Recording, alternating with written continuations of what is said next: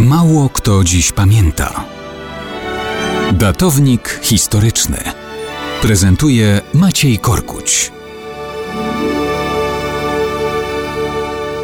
Mało kto dziś pamięta, że 17 kwietnia 1577 roku w bitwie pod Lubieszewem wojska koronne zmasakrowały oddziały najemników opłaconych przez zbuntowany Gdańsk.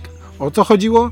O to, kto będzie królem Polski. Ergo, kto lepiej zadba o interesy Gdańska. O tron Polski rywalizował Maksymilian II Habsburg i Stefan Batory, który za sprawą Jana Zamojskiego zyskał szersze poparcie średniej szlachty. Gdańsk stawiał na Maksymiliana. Dlaczego? Przede wszystkim liczył, że pod rządami Habsburga zyska samodzielność polityczną taką, jaką miały miasta w rozdrobnionej na miniaturowe państewka Rzeszy Niemieckiej. Batory został koronowany na króla. Gdańsk tego nie uznał. Batory najpierw zastosował sankcje gospodarcze. Skierował spław wiślany zboża i innych produktów, który był głównym źródłem bogactw Gdańska, Dongatem do Elbląga.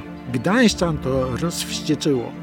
Korzystając z duńskiego wsparcia, wystawili potężną armię najemników. Ponad 3000 niemieckich landsknechtów i kilkuset rajtarów uzupełniono kilkoma tysiącami zmobilizowanej gdańskiej milicji i jazdy. Powstał pomysł nawet opanowania całego Pomorza Gdańskiego. Polskie wojska pod Tczewem dopiero oczekiwały na posiłki. Były pięciokrotnie mniej liczne, ale musiały przyjąć bitwę na skutek działań wojsk gdańskich, które chciały wojska koronne rozbić, zanim zostaną wzmocnione. Ale tutaj niespodzianka. Hetman Jan Zborowski nad jeziorem Lubieszewskim zmasakrował gdańskich najemników, zadając im gigantyczne straty. Klęska w sposób jednoznaczny pozbawiła Gdańsk złudzeń.